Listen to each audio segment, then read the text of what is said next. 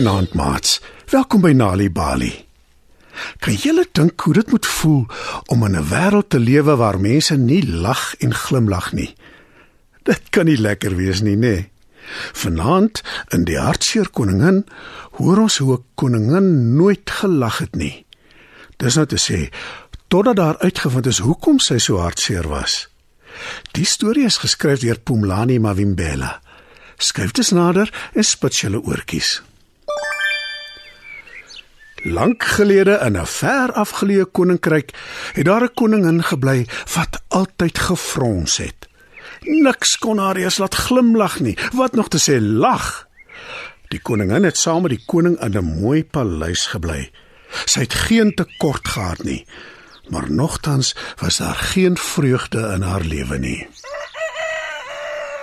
Elke oggend aan die ontbyttafel het sy skaars aan haar kos geraak. Sy het min gepraat, selfs nie eers met die koning nie. Hy aan die ander kant het met almal gesels. Hy was 'n blymoedige man. Maar tog was die koning bekommerd oor die koningin. Hy het bly uitvra, maar elke keer wanneer hy by haar wou weet wat skort, het sy net haar skouers opgehaal en niks gesê nie. Toe besluit die koning op 'n dag, dit kan nie so voortgaan nie. Hy moet iets daaraan doen. Die koningin kan nie vir altyd so hartseer wees en nooit lag of glimlag nie. Die koning ontbied die koninklike arts en vra hom: "Is daar enige manier waarop jy haar gesond kan maak? 'n Manier waarop jy kan verseker dat sy weer sal lag?" Die arts dink 'n ruk na. Toe sê hy: "Hmm, dis 'n moeilike geval. Wanneer het die toestand begin?" Die koning dink en dink, maar erken toe dat hy nie kan onthou nie. As ek net aan iets kan dink wat haar wel sal laat lag, sê die koning moedeloos. Mm, "My wet van 'n uh, familielid," wil die arts weet. Sê die koning glimlag. Ek sal haar jonger suster vra om oor te kom. Dalk kan sy haar opbeer, sê hy hoopvol. Die koningin se jonger suster word ontbied. Sy probeer alles in haar vermoë om haar ou suster te laat lag, maar te vergeefs. Toe kry sy skielik 'n blink gedagte. Sy ken 'n grapjas wat enige mens kan laat lag. Die koning is skepties en wil weet wat die grapjas doen. Die koningin se suster verduidelik, sy doen allerlei toertjies wat baie snaaks is. Die koning stem in want reken hy wil dit niks om te verloor nie. Die grapjas word ontbied en die volgende dag daag sy op met 'n groot sak vol kleurvolle artikels. Toe die koning wil weet wat daarin is, maak sy dit oop en hy loer in die sak. Ag nee wat. Dis spulgoed lyk belaglik, sê die koning vies. Maar die grapjas is alles behalwe afgeskrik. Moenie te gou praat nie, sê die grapjas. Dis my gegillilies. Wat vir 'n ding is dit? vra die koning. Wanneer ek enige van my gegillilies uithaal en hulle of rondswaai of laat klingel of mense kielie, dan kan hulle nie anders as om te giggel nie. Verduidelik die grapjas. Toe vra sy: "Verduidelik nou vir my, wat is verkeerd met die koningin?" Al wat ek jou kan sê is, sy is al 'n hele ruk hartseer. Antwoord die koning en voeg by: "Dink jy jy kan haar help?" Die grapjas haal 'n trompet uit haar sak en blaas haar op. In plaas van die gewone trompetklank, klink dit soos 'n haan wat kraai. Die koning lag om dusnis. Dis vir hom baie snaaks. Maar die koningin toon geen reaksie nie. Om die waarheid te sê, sy lyk selfs nog meer hartseer as van tevore. Waar kry jy die snaakse trompet? Lag die koning. Dis 'n kikkie trompet, sê die grapjas. En is een van my heel snaakste gegillilies. Oftewel, dis wat ek gedink het. Die koningin het haar nie eers daarin gesteer nie. Sy steek weer haar hand in die sak en haal die kleinste, fynste veertjie uit. Dit is skaars so groot soos haar pinkie. Dit sal beslis werk, sê die grapjas. Maar vir die wis en die onwis toets sy in elk geval eers die allerklein veertjie op die koning.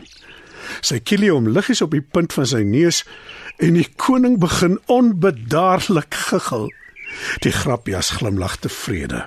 Nou vir die hartseer koningin. sê sy. Sy kielie die koningin liggies op die punt van haar neus. Maar die koningin verroer nie eers 'n gesigspier nie. Sy sit choop stil met 'n frons op haar gesig. Dit het regtig nog nooit gebeur nie. Die giggelveertjie werk altyd. Sê die grapjas verbaas. Ek begin dink daar is iets ernstig verkeerd met die koningin. Sy is nie net hartseer nie, sy's regtig siek. Sy is definitief hartseer. Sê die koning.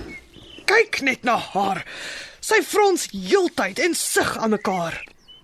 Wel, ek het nog enige gelilie oor. Die grapjas krap in haar sak en haal 'n sak vol bestanddele uit. Waar's julle kombuis? Wil sy weet. Die koninklike wag wys haar waar die kombuis is en sy begin werskaf.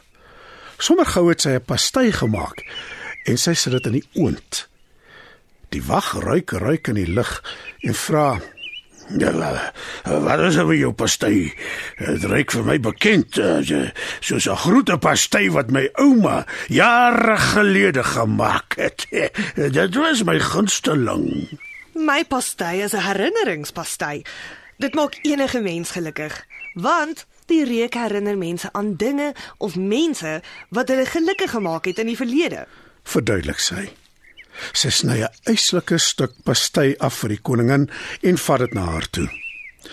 Toe die koningin die pastei ruik, bars sy in trane uit. Die koning is woedend, Nou het jy alles vererger. sê hy, Kyk weer. sê die grapjas. En die koning kyk stip na die koningin. Toe sien hy sy glimlag deur haar trane, Dit is trane van blydskap. sê die grapjas. Die koningin eet die een hap na die ander van die pastei. En toe verduidelik sy dit herinner haar aan haar dogter. En sy erken sy verlang baie na haar. Die koning vertel die grapjas dat hulle hulle dogter baie lanklaas gesien het en dat daar onmin tussen hulle is. Hy onderneem om die koningin na hulle dogter toe te vat en die probleem dadelik uit te stryk. Die volgende oggend vertrek die koning en die baie minder hartseer koningin na hulle dogter toe. Hulle vind uit sy is net so hartseer. Hulle ruim hulle geskille uit die weg en die koningin glimlag weer. Wanneer kinders tuistories hoor, help dit hulle om beter leerders te word op skool. Vir meer stories om vir kinders voor te lees of vir stories wat kinders self kan lees, besoek ons by www.nalibali.mobi. Daar is heelwat stories in verskeie tale absoluut gratis beskikbaar. Daar is ook wenke oor hoe om stories vir kinders te lees en met hulle te deel sodat hulle hulle volle potensiaal kan ontwikkel. Nalibali is ook op Facebook en daar is Nalibali stories en aktiwiteite in bylaas van koerante. Story Power. Bring dit huis toe.